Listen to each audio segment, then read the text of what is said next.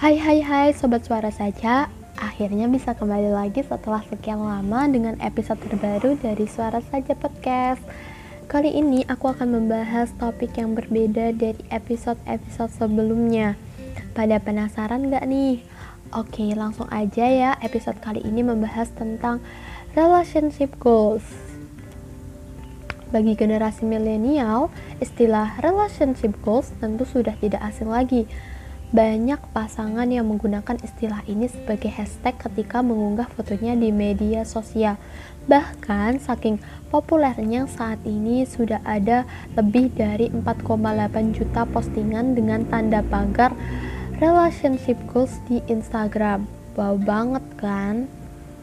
Lantas apa, siapa, di mana, kenapa, mengapa, dan bagaimana makna sebenarnya dari relationship goals itu sendiri? Aduh udah pakai 5W1H aja nih. Oke kita ambil dua aja ya.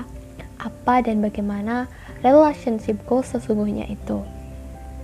Sebelum mengetahui lebih dalam kenalin aku Nisa mahasiswi yang sedang mencari cinta sejati yang belum menemukannya sampai saat ini. Aduh aduh kok jadi curhat ya? Oke okay, gengs back to topics ya So, jadi apa sih yang katanya relationship goals? Di sini aku hanya sharing dan ini relationship goals menurut aku. Tentunya masing-masing dari kita pasti punya pendapat yang berbeda kan? Jadi aku nggak bermaksud untuk mempengaruhi sudut pandang kalian. Apakah melakukan hal-hal romantis dengan pasangan lalu diupload ke media sosial sudah bisa dianggap goals? Jawabannya tentu tergantung dari pemahaman masing-masing individu. Namun yang pasti, jangan sampai kita hanya mengikuti tren tersebut tanpa meresapi makna sebenarnya dari goals yang kita inginkan bersama pasangan. Oke, kita akan membahas secara runtut versi dari aku dulu ya. Semoga hasilnya sama.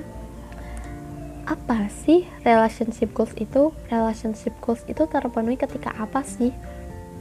Jawabannya ketika kita mendapat pasangan yang tepat Lalu, pasangan yang tepat itu apakah yang selalu sempurna atau ideal versi kita? Tentu jawabannya enggak, karena kita dipasangkan untuk saling melengkapi satu sama lain, bukannya justru beradu kesempurnaan satu sama lain. Mungkin sih ada lagu dari Tulus yang liriknya gini. Remember when Tulus said, "Jangan cintai aku apa adanya." Meskipun demikian, bukan berarti untuk mencapai relationship goals itu harus mencari pasangan yang sempurna. Percaya deh, kita akan sempurna di mata orang yang tepat. Iya kan? Jadi, menurut aku, relationship goals adalah dua hubungan sejoli yang saling menerima satu sama lain dan saling melengkapi. Dan selanjutnya, banyak anak remaja yang gaya pacarannya wow banget menurut aku dengan posting di sosial media dan menamakannya relationship goals. Tapi bagi aku sendiri, relationship goals bukan melulu soal kebersamaan foto berdua, makan berdua, and something else. But relationship goals is goals. Apa tujuan kalian saat memutuskan untuk mencap menjalin relationship? Ya, pastinya tujuan untuk ke arah yang lebih serius. Poin yang pertama, komitmen. Karena relationship ini dibangun oleh dua orang yang pastinya mempunyai jalan pikiran yang berbeda. You both should have a commitment.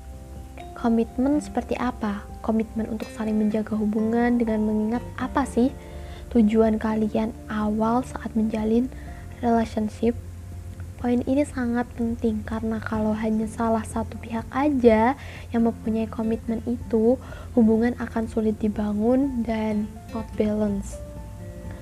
Selain itu, trusting.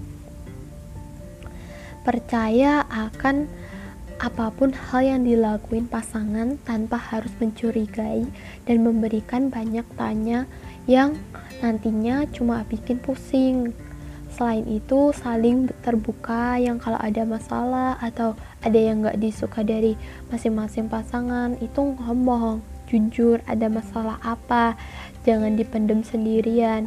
Yang nanti ujung-ujungnya malah bikin hubungan renggang. Gitu sobat suara aja. Dan selanjutnya nih jangan pernah gengsi untuk bilang I'm sorry. Dalam suatu hubungan relationship goals mesti punya pemikiran yang dewasa. Kalau memang salah jangan pernah gengsi untuk minta maaf. Dan beritahu dia bahwa kalau uh, kita akan memperbaiki untuk ke depannya dan di situ kedewasaan akan terlihat. Selain itu yang gak overthinking dan posesif keterlaluan yang kalau pergi selalu curiga dan nanya-nanya pergi sama siapa, pergi ke mana, jangan itu, jangan ini. Tentunya uh, kita tetap menghargai dan bisa kasih space ke satu sama lain untuk family time, me time, ataupun friends time. Karena hidup pun gak harus melulu tentang dia ataupun tentang pasangan. Dan selalu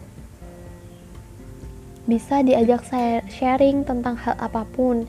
Yang gak cuma ngebahas lagi ngapain, udah makan apa belum, dan gak menyombongkan dirinya saat kasih masukan dan gak yang paling merasa benar and still okay even different opinions. Gitu ya sobat suara aja. Nah ini salah satu poin yang terpenting banget nih yang pastinya bisa bawa kita ke arah yang lebih baik lagi.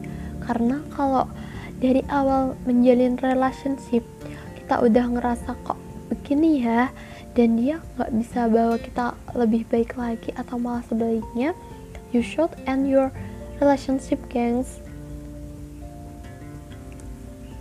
Nah itu dulu ya relationship goals versi menurut aku. Bisa diterapin nanti. Soalnya sekarang kan akunya masih jomblo udah-udah galaunya nikmatin aja dulu ya Oh iya, aku penasaran nih relationship goals versi kalian. Boleh banget dikirim di Instagram at suara aja podcast. Komen ya, gengs. Oke, okay, so sobat suara aja, terima kasih ya sudah berkenan mendengarkan podcastku dan nantikan episode-episode selanjutnya. See you.